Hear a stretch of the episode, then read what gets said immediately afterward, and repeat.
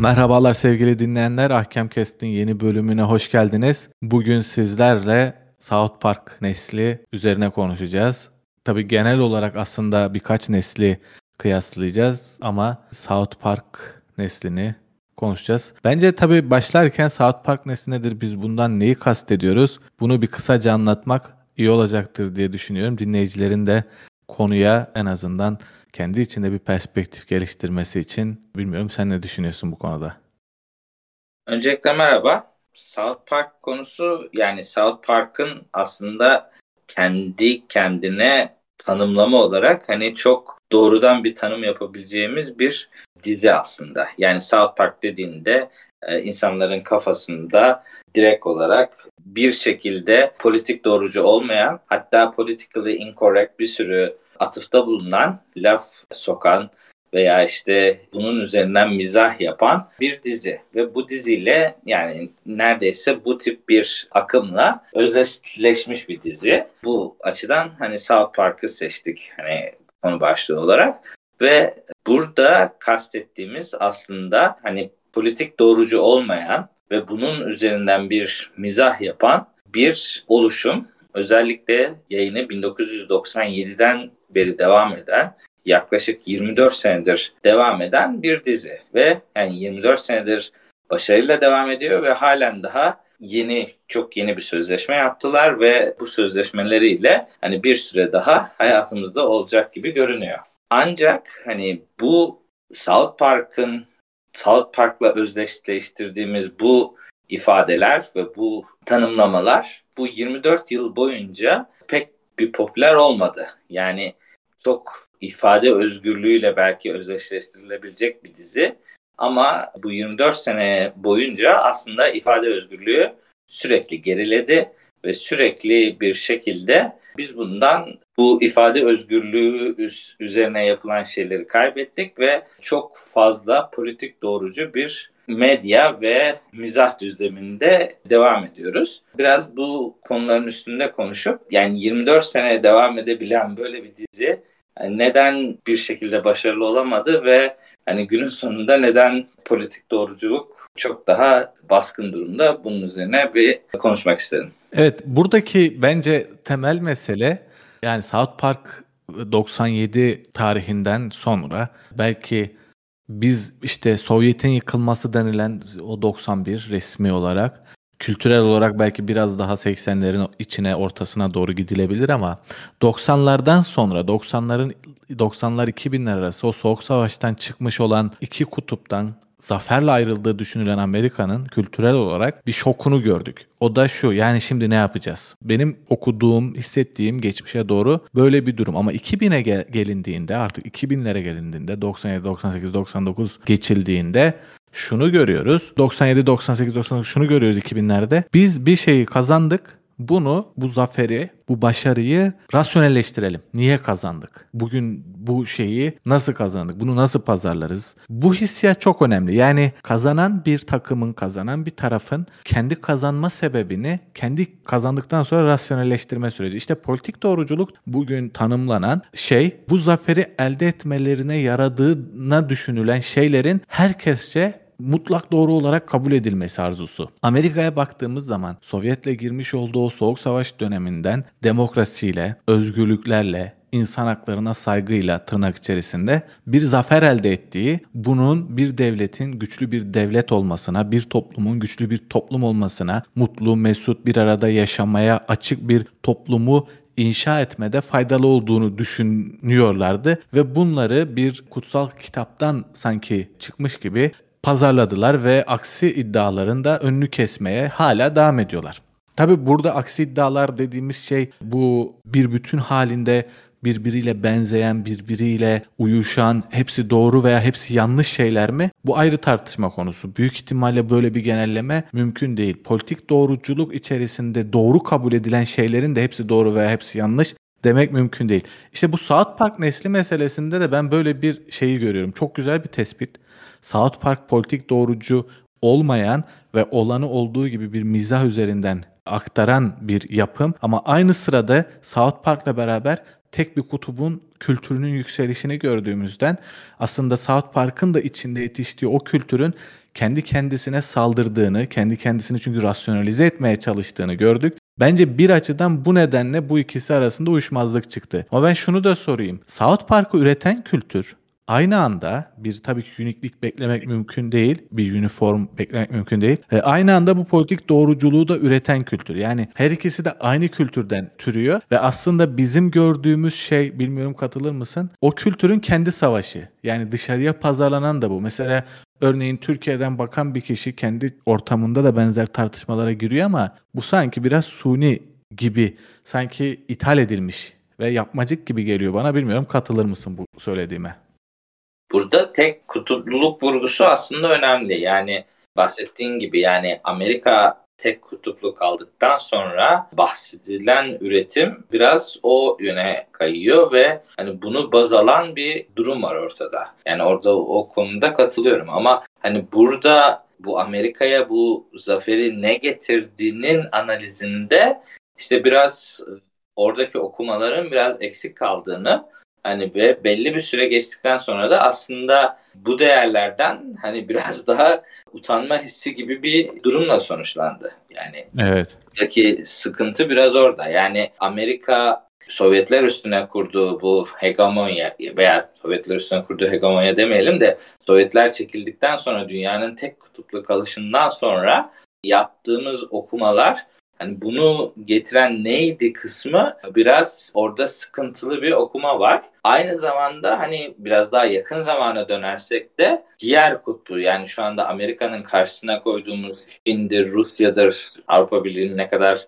karşısına koyarız bilmiyorum ama şu anda daha karşısına konulan yani yükselişte olan bir otoriter kültür de var. Sonuçta bu politik doğrucu tavrında kısmen bu otoriterleşmeyi de aslında desteklediğini ileriye dönük okuyabiliriz.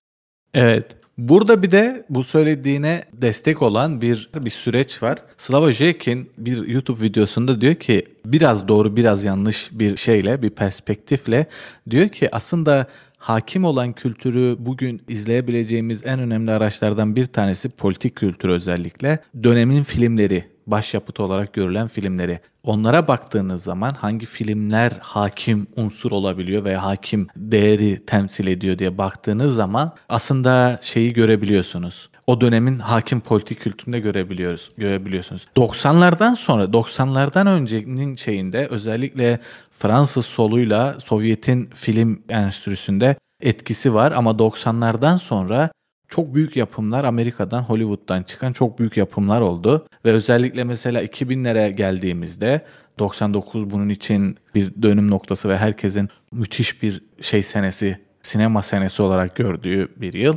O dönem ama baktığımızda filmlere bir şey de görüyoruz. Yani Amerika'nın Amerikan kültürünün kendi içine dönük bazı yapımlar. Fight Club'da, Matrix'te, Ace White Shot'ta. Yani bunların hepsinde, Ice White Shot'ta. Bunların hepsinde Amerikan kültürü içerisindeki tartışmalar. Matrix'teki tartışma da aslında bir parça budur. Kimisi farklı e, yorumlasa da özünde mesela benim baktığım yerden bakınca bu bir kendi şeyine, kendi gerçeğine uyanamamış sanal bir realitede yaşamaya çalışan bir adam. Yine Fight Club'da da benzer bir hikaye görebiliyoruz. Kendi gerçeğine uyanamamış, etrafında etrafında oluşan politik veya ticari yeni realitede yaşayan bir insan ve yine Ice White Shot'ta da gizli bir kısım bir kısım gayelerle hareket eden kimselerin oluşturduğu gerçeklikte yaşamaya çalışan adam. Bunların hepsinde aslında aynı hikayeyi görebiliriz ya da aynı şeyi. Amerikan toplumunda kendi gerçeğinin dışında bir gerçekte yaşama hissiyat. Bu kısım ayrı, bu kısım ayrıca konuşulabilir ama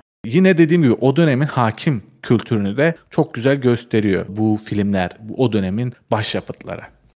Mesela bu örneklerde yine aynı örnekleri çok baz alırsak anlatılan bir özgürleşme hikayesi de var. Evet. Yani bahsettiğimiz üç filmde de ve hani o dönemin ruhunda da işte yani South Park da gene aynı dönemde çıkmış bir ürün. Bir yanda hani özgürleşme kısmen ileriye dönük özgürleştirme de giriyor işin içine. Yani Amerika başkaları da özgürleştirmeye çalışıyor ama işin ruhunda aslında hani bireylerin kendilerini özgürleştirmesi ve hani biraz da bireyleri ön tarafa çıkaran çeşitli düşüncelerin aslında yükselişi diyebiliriz. Aynen öyle. Aynen Aynı öyle. Dönemde. Ve hani bu bireysel düşünce ve bireyselliğe olan vurgu gençlikte de bu felsefik olarak benim sahip çıktığım ve sonrasında da bu özgürleşme ve özgürleştirme hareketlerinin aslında devam edeceği bir süreç gibi geliyordu. Yani o döneme baktığınızda 99 yılında ben 19 yaşındaydım ve hani hayata bakış olarak da kısmen ifade özgürlüğünü ve hani özgürleşmeyi, özgürleştirmeyi baz alıyordum. Zaten hani konunun da girişi hani bu süreç böyle devam etmedi. Yani sonuçta Matrix gibi hepimiz bağlı pillere dönüştük. Yani kimse baş kaldırmayı düşünmediği gibi neden kendini bağladığın bataryalardan çıkıyorsun diye belki de özgürleşmeye çalışanların da hani kafasına vuruldu bir düzene gitti dünya. Evet. O biraz bana ilginç geliyor. Evet burada tabii ki bir parça Sovyet'e karşı girilen süreçte Amerika'nın da kendi içerisinde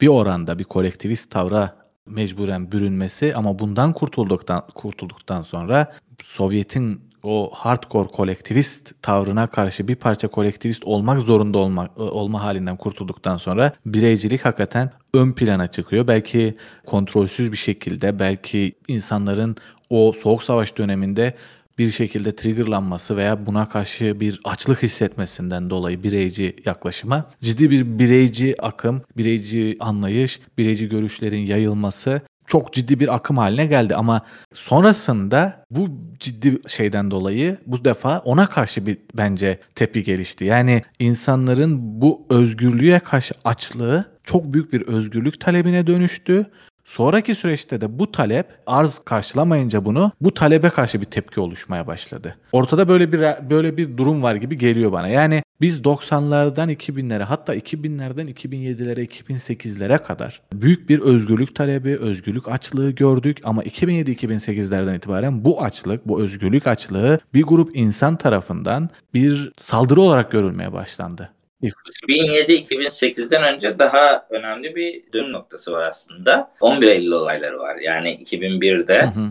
gerçekleşen 11 Eylül olayları ve hani buradaki o New York'un ortasındaki iki tane gökdelenin bir anda yıkılarak inmesi hı hı. insanların hani özgürlükten öte güvenliğini daha ön plana çıkartma isteğini aslında körükleyen şeyler. Tabii bunun etkileri 2007-2008'de daha net görüldü daha sonra Hı-hı. ama bu yoldan dönülmesinin bence en büyük dönüm noktası bu 11 Eylül saldırıları ve bundan sonra gelen hani George Bush'un Orta Doğu'ya özgürlük getirme temalı ama tabii ki özgürlük getirmeyen ve daha çok hani Orta Doğu üstünde baskı kuran politikalara hı hı. dönüş yapılması bence burada bu trendin ilk dönülen noktası burası. Evet bu ekonomik olarak da aslında belki o dönemden sonra Amerika'nın Sovyet'le giriştiği o süreçten getirdiği ekonomik birikim, işte ekonomik planlama belki 90-2000 arası farklı bir sürece girdi. Sonraki süreçte 2000'den sonra başlayan o büyük mesela dot-com krizi, onun balonunun patlaması, sonraki mortgage krizi vesaireyle beraber bence bir parça ekonomik kontrolsüzlük de bugün de hala içinde bulunan enflasyon meselesi Amerika'nın özellikle birçok alanda kendi şeyini, hakim söylemini kontrol edememesine, hakim söylemini yeniden inşa edememesine veya görünürdeki o karakol vazifesi ya da büyük abi vazifesini gerçekle karşılayamama endişesiyle bence toplum üzerinde büyük bir baskı yapma aracı olarak şeyi görmeye başladı. E, ifade özgürlüğüne karşı saldırmayı görmeye başladı. Çünkü ifade özgürlüğünün görünürde belli komünitelerin diğer komünitelere karşı bizim haklarımız ihlal ediliyor veya biz dışlanıyoruz veya biz eksik görülüyoruz. Bu nedenle işte bize karşı saldırı, bizim haklarımıza karşı saldırı olarak gösterseler de mesela Assange olayında olduğu gibi doğrudan doğruya yönetimin belli politikalarda ne kadar aptal olduğunu yani şeytan değil aptal olduğunu gösteren veriler ortaya konup o yönetime o establishment'a karşı güvensizlik oluşturacak bir şey olunca aynı saldırı, aynı ifade özgürlüğüne karşı saldırı Assange'a karşı kullanıldı. Dendi ki işte bu tacizcidir, şudur budur ve birçok başka şey oluşturulmaya başlandı. Politik inşa oluşturulmaya başlandı. Ben işin bu tarafını da görüyorum. Yani bu tarafının da olduğunu düşünüyorum. Yani Amerika'nın bir kontrol edememe veya kendisine atfedilen o büyük olma durumunu mesela 11 Eylül'deki saldırıdan sonra Bush'un politikalarında mesela işte Irak'ta, Afganistan'da, şurada burada dönüp dolaştığımızda işte bugün görüyoruz ki kaybettiklerini ilan ettiler. Ama o süreç boyunca olan birçok aptallığın, birçok kontrol edememenin, kabiliyetsizliğin kendilerine atfedilenin aksine belki ortaya dökülmemesi adına birilerinin bunları eleştirmemesi adına ifade özgürlüğüne saldırıldı ve bunu buna kılıf olarak da bugün politik doğruculuk olarak gözüken şeyler kullanıldı e, diye düşünüyorum.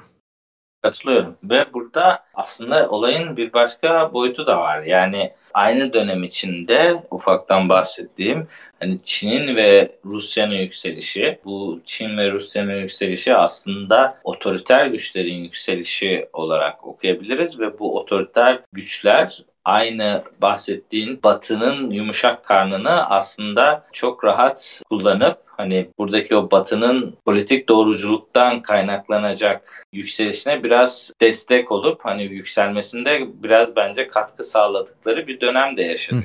Çin dediğin çok baskıcı bir rejim, baskıcı bir baskıcı olduğu her yerden belli olan sermayenin yükselişi aynı zamanda Batı'nın içinde belli odakların beslenmesine ve hani bunların yükselişine finans sağlama noktalarına geldi. Evet. Yani bugün baktığımızda mesela Çin örneğini verirsek bunu daha önceki NBA podcastinde de azıcık konuşmuştuk. Hı hı.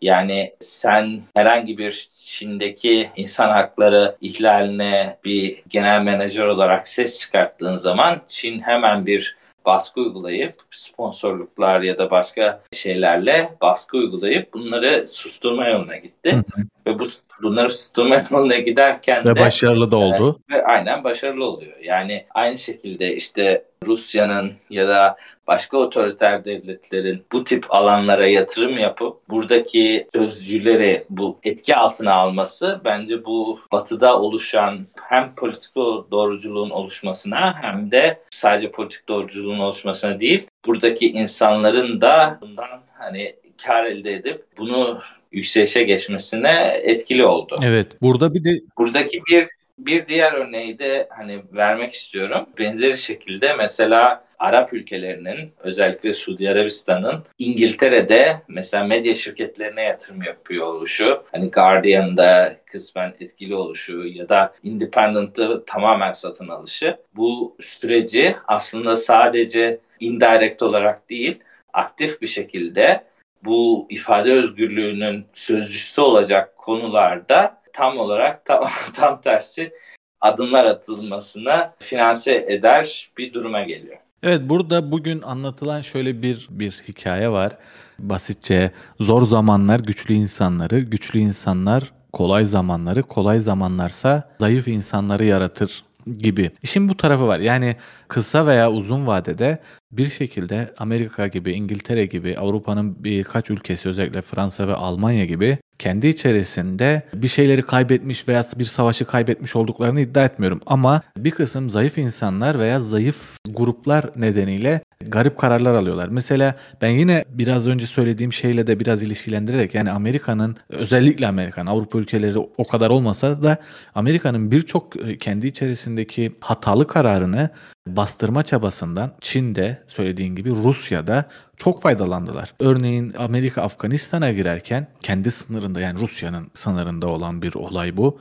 İster istemez kendi hegemen, egemenlik alanında hiç hiç hiç karışmadı buna Rusya. Destekledi hatta kendisi için bu konunun faydalı olacağını düşündü. O zamanki eleştiriler genel olarak işte Amerika'nın ya işte bunu demokrasi adına yapması gerektiği, işte o bölgeye bir müdahale etmesi gerektiği, bunda hatta geç kaldığı yönündeydi. Ya da Amerika kim oluyor da buralara müdahale ediyor şeklindeydi. Rusya iki tartışmaya da girmedi. Destekledi buyurun gelin bu bataklıkta bir kere de siz debelenin. Biz bunun tecrübesini yaşadık.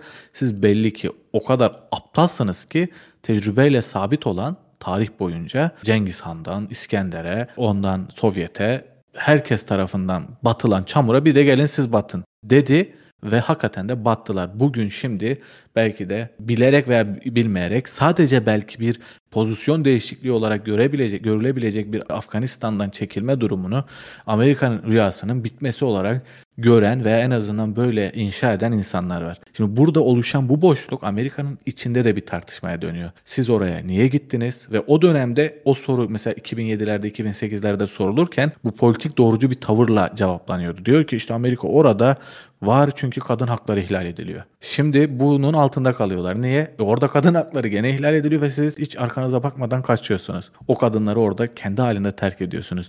Size güvenen insanları kendi haline terk ediyorsunuz. Yani burada anlatmak istediğim şey politik doğruculuk inşasının bir tür şeyi örtme, bir tür beceriksizliği örtme nedeniyle yine dönüp kendilerini vuran bir noktaya gelmesi. Ama diğer taraftan şu da var.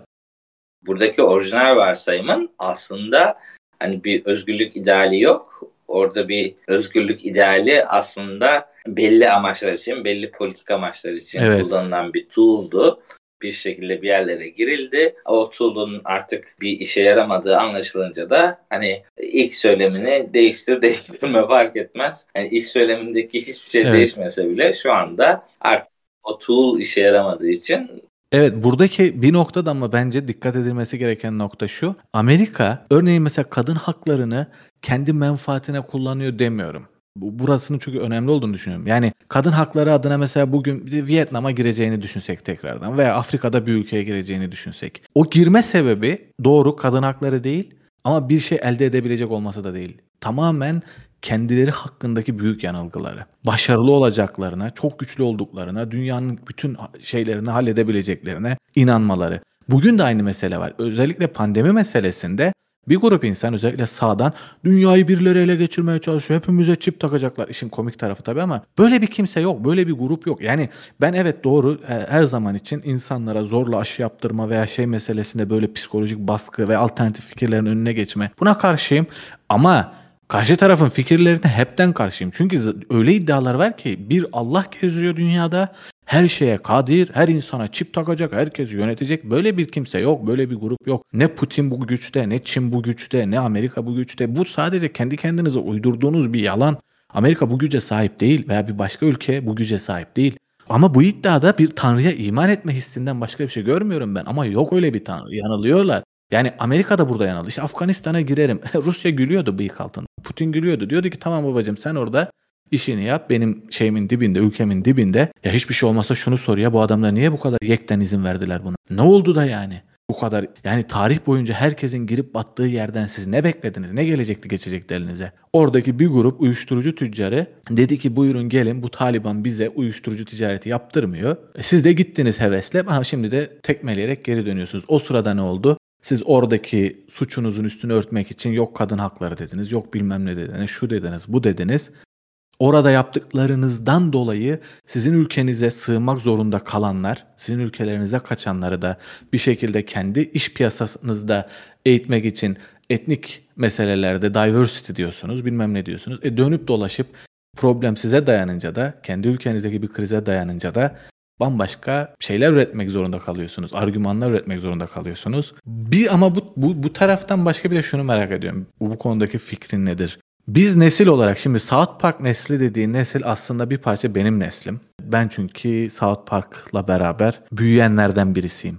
Ben ama bizim nesli bizden öncekilerden de bizden sonrakilerden de daha etkisiz görüyorum. Bilmiyorum bu konuda görüşün ne? Şu anlamda yani bizden sonrakiler şu anda bir politik etkiye sahip değiller ama biz mesela onların sözünü dinlemeden, onların söylediklerine göre hareket etmeden bir politik yeni inşaya giremeyiz. Ama bizim kendi yaşadığımız dönemlerde de hep 80'lerin veya 80'lerde yetişenlerin söylemi hakim oldu. Bu konuda görüşü nedir? Yani South Park nesli demişken sence bu tarafında yanılıyor muyum veya haklı mıyım?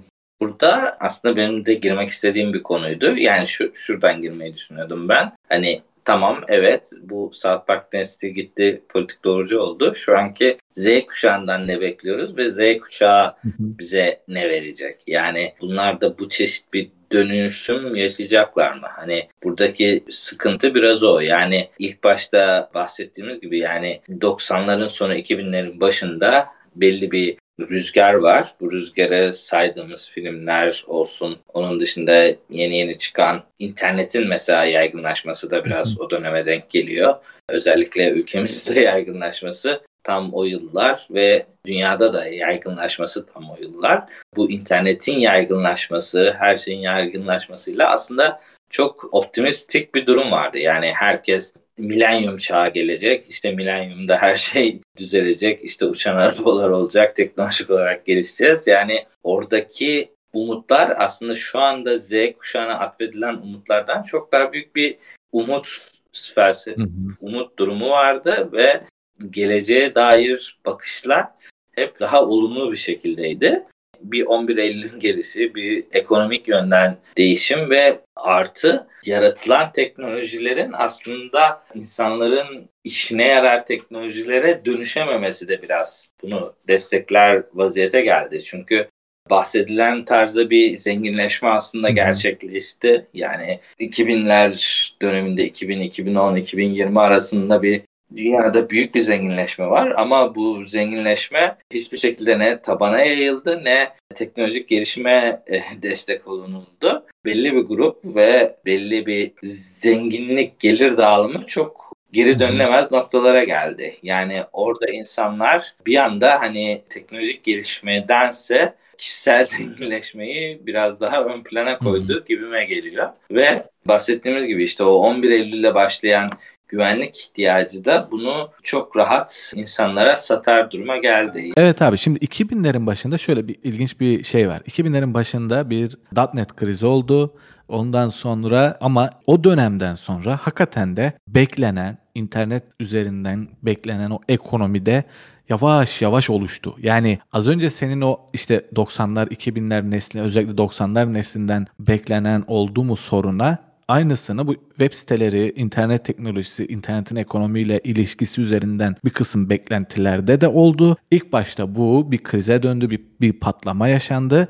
Ama sonraki süreçte beklenen de oldu. Yani Google'la, Facebook'la sonraki süreçte Twitter'la, Instagram'la, şunla bunla çok ciddi bir ekonomi oluştu. Ama ben orada şunu da görüyorum. Yani buraların CEO'ları belki 80'ler, 80'lerde, 90'larda da bir kısım itibariyle doğanlar var ve internet üzerinden gelişen teknolojilerle birlikte zenginleşen YouTuber'lar, TikToker'lar, Instagram, Instagirl'ler bilmem neler zenginleşen insanlar var. Bunlar tabii 90 nesli veya South Park nesli veya sonraki nesiller artık farklı farklı dönemler olarak ayrılıyor. Bu yanı var işin. Ama bir taraftan diğer taraftan tamam böyle bir ekonomik varsıllık, ekonomik büyüklük oluştu ve ekonomi dünyanın yatsınamaz bir şekilde birçok bölgesinde iyiye gitti. Hatta ucuz paradan dolayı, ucuz paranın dolaşımından dolayı büyük bir dönem bazı ülkelerde iktidarlar halklarını memnun eden işler yapar gibi gözüktüler. Bunlar realite ama gelip dön geldiğimiz bu noktada büyük alarm işte enflasyon alarmı, diğer taraftan mutsuzluk alarmı, huzursuzluk, insanların ne iş yapacağını bilememesi, dahası bir iş yapmama isteği gibi şeyler patlak vermeye başladı. Sanki bazı şeyler iyiye gitti gibi görünse de yani uluslararası anlamda geldiğimiz bu noktada aslında bir üzerini örtme veya bir makyaj dan ibaret olma gibi bir durumda görüyorum. Bilmiyorum sen ne düşünüyorsun bu konuda? Yani buradaki işte teknolojik gelişmeler aslında beklenen gibi olmadı. Sorun biraz da burada. Yani beklenti neydi? Açıkçası hani bu .NET zamanında da başka o internetin ilk gelişim zamanlarında da hani internet eşittir özgürlük gibi bir aslında kavram. İnsanlar birbiriyle alışveriş yapacaklar aracısız işte ben gidip Çin'den mal alacağım, o gidecek, öbürünü yollayacak falan gibi hani daha işte bariyerlerin kalktığı kısmen önceki konularda girdiğimiz bu des, des, desentralizasyonun artacağı aslında bu hani bu artış beklentisi bugüne ait bir beklenti değil. Yani 90'ların sonu 2000'lerin başında da aslında bu çip beklentiler var ve büyük firmaların işte o günkü büyük firmaların elinden yavaş yavaş bu işlerin kayması ama bir yandan da işte yeni tip bir zenginleşmenin Hı-hı. oluşması bekleniyordu. Ama oluşan durumda tekeller oluştu. Atlanılan bahsedilen konu bu. Yani biz aslında biz internet üstünden mesela alışveriş yaparken özgürlük olup birçok çeşit olacağını ve çok çeşitli insanlara rahat bir şekilde ulaşacağımızı beklerken şu anda herkes Amazon'da dükkan açmış durumda. Yani herkes bir şekilde Bezos'a şeyini verip, evet. paracını verip alışverişini Amazon'dan yapıp ama hani günün sonunda bahsedilen özgürlük yerine ben malı göndereceğim gelen mal gelecek mi'deki güvene hı hı. biraz dönüştü. Yani oradaki tekeller kısmen güven ortamını oluşturdu. Aynı şey Facebook için de geçerli, Twitter için de geçerli ya da işte şu an tekel olmuş Microsoft için de geçerli. Yani o dönem bu teknolojik gelişimlerden ve internetten beklenen insanların çeşitliliğe sahip olup daha özgürleşeceği fikriydi. Şu anda tam tersi hani çok standart ürünleri çok standart bir şekilde herkes alıyor. Apple işte ne veriyorsa Hepimiz onu kullanıyoruz. Hepimiz onu kullandığımız için aslında hayatımız çok kolaylaşıyor. Evet hani bunu inkar edecek değilim. Yani bir Apple fanboy olarak buna herhangi bir itirazım yok ama hani günün sonunda da Apple herhangi bir datayı bilmem neyi işte her an kesme tehlikesine sahip ve bunu elinde bulunduran çok büyük bir evet, güç yani... haline geldi. İşte bunlar yani günün sonunda bize işte bahsettiğimiz hani özgürlük isteğindense güvenlik isteğinin daha ön plana çıktığı izlenim veriyor. Şu anki Z kuşağına geri dönersek de aslında hani Z kuşağı ile ilişkili beklentiler de az önce saydığım 2000 sonundaki milenyum beklentilerinin upgrade edilmiş versiyonu. Yani ben daha üst bir beklenti görmüyorum. Yani şu anda işte anlatılan hikaye, yaratılan hikaye ve yeni neslin daha zeki olmasının arkasında yatan hikaye de şu anda aynı hikaye mevcut. Ama işte bu hikayenin sonunda bir nesil birden güvenlik yerine özgürlüğü seçecek mi ya da işte teknolojik gelişmeyi seçecek mi? O konuda benim çok büyük şüphelerim var. Az önce söylediğin o Apple Apple fanboyu olma birebir ben de Apple fanboyuyum ve çok ciddi eleştirilerim olmasına rağmen guilty pleasure mı deniyor artık? Yok günün sonunda tam onu söyleyeceğim işte. Tam onu yani, söyleyeceğim. guilt, guilty pleasure falan değil. Yani ben mesela işte bir iş yapıyorum telefonumda aynısını tabletimde de görebiliyorum. Aynısını notebook'ta da görebiliyorum. Yani bu senkronizasyonu sağlıyor aslında ve bu hayatımızı kolaylaştırıyor. O yüzden karşılığında bize işte bir şekilde güvenli bir hizmet verdiği için karşılığında e, işte yeni çıkarttığı ürünü fiyatına bakmadan almamızı sağlıyor. Şimdi güvenlik bence güvenlikten de öte dediğin gibi hayatı kolaylaştırması ve ortaya koyduğu teknolojinin Amazon'da da bunu görüyoruz.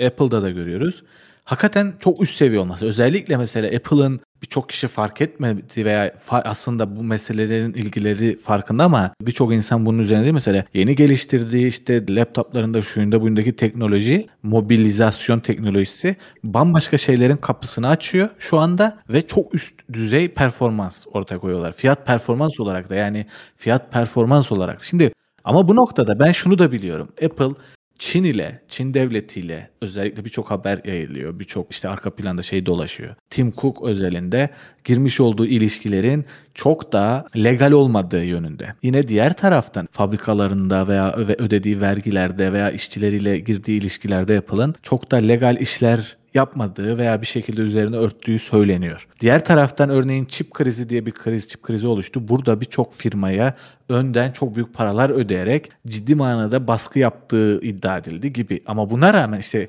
guilty pleasure dediğim nokta bu. Yani bu tarz şeyler yapmasına rağmen bir Apple'a karşı ilgim var ve ilgiden öte fanboyluk var. Çünkü çok iyi ürün üretiyorlar. Şimdi Amazon'da da böyle. Böyle olunca 2000'lerin başından beklenen o desentralizasyon, evet internet ilk zamanında, özgür zamanında bunu sağladı. Gerçekten desentralize bir haldeydi ama rekabet olmadı. Bazı şeyler, bazı firmalar çok ön plana çıktılar. Çok güçlü hizmetler. Şimdi Amazon Hollanda gibi ki Hollanda ekonomik olarak çok kapalı bir ekonomidir. Dışarıdan içeriye piyasaya bankacılıktan enerjiye, başka sektörlere kadar kimseyi sokmamaya çalışan, rekabet edip ezmeye çalışan bir ülke. Ama mesela Amazon'u ezen bilmiş değiller. Alternatif olarak çok kullanılan, çok fazla pazarlanan birkaç tane firma var ve zaten kendi özellikle taşımacılık işini burada Post Enel çok çok iyi hizmeti çok ucuza sunmaya çalışıyor. Onun dışında online sipariş meselesini, online alışveriş meselesini birkaç farklı firma çok ciddi manada yapmaya çalışıyor ama Amazon hala ayakta ve gittikçe de başa doğru ilerlemeye başlıyor. Başka ülkelerde çoktan almış durumda liderliği ve çünkü çok iyi hizmet veriyor. İşte konumuza dönersek de mesela ileriye dönük işte Metaverse konuşulurken işte NFT konuşulurken ya da işte yeni gelecek hı hı. ne teknoloji varsa Z kuşağından beklenen teknolojiler varken bunlar konuşulurken Apple'dan ya da Amazon'dan bağımsız bir geliştirmeyi ben açıkçası çok düşünmüyorum. Evet.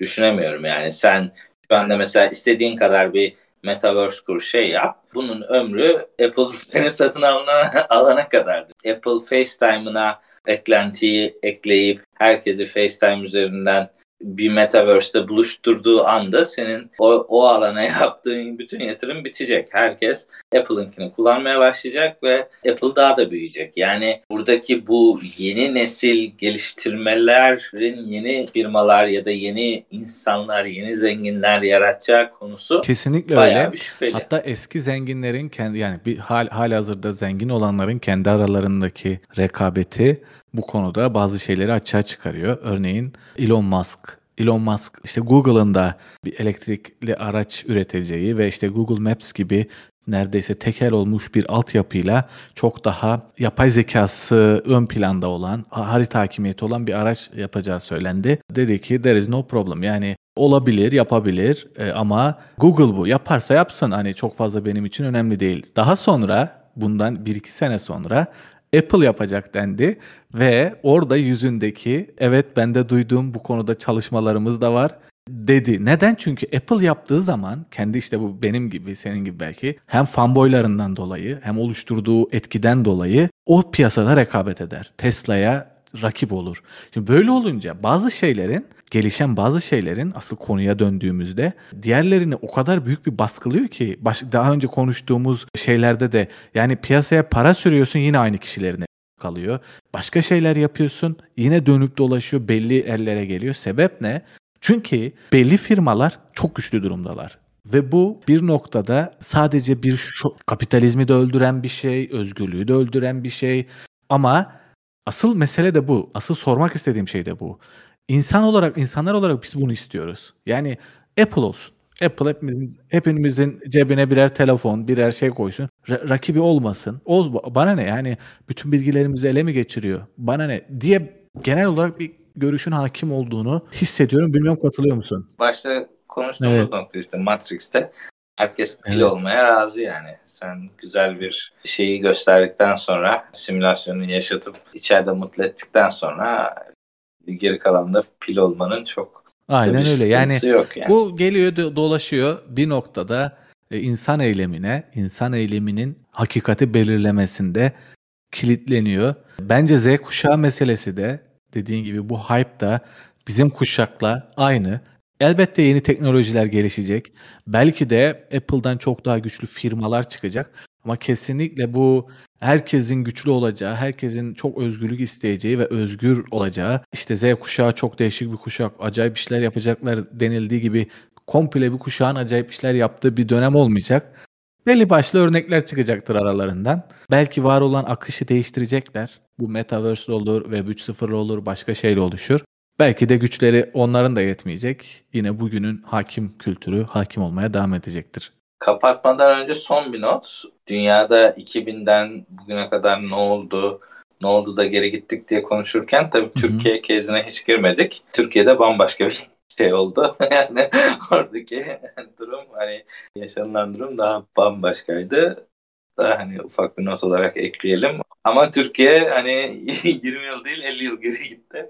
Türkiye'nin bence bu şekilde o şekilde büyük geriye gitme sebebi gerçekten ileri gitme fırsatı olan bir dönemde yani belli başlı dengeler düzgün takip edilseydi, belli başlı ilişkiler, iletişim düzgün kurulsaydı. Yani bir kere gelen fırsatı ters tepmek, çok büyük ters tepmek olduğunu düşünüyorum. Bir parça bu gündemler değişince ve belki bizim podcast'imizde daha çok dinlenince artık bunlar da konuşulacak. Mesele dediğin gibi sadece 10 yıl 20 yıl geriye gitmek değil, ileriye gidebilecekken hepten geriye gitme nedeniyle çok geriye gitmek. Yani işin bu tarafı da konuşulacaktır daha sonra diye düşünüyorum.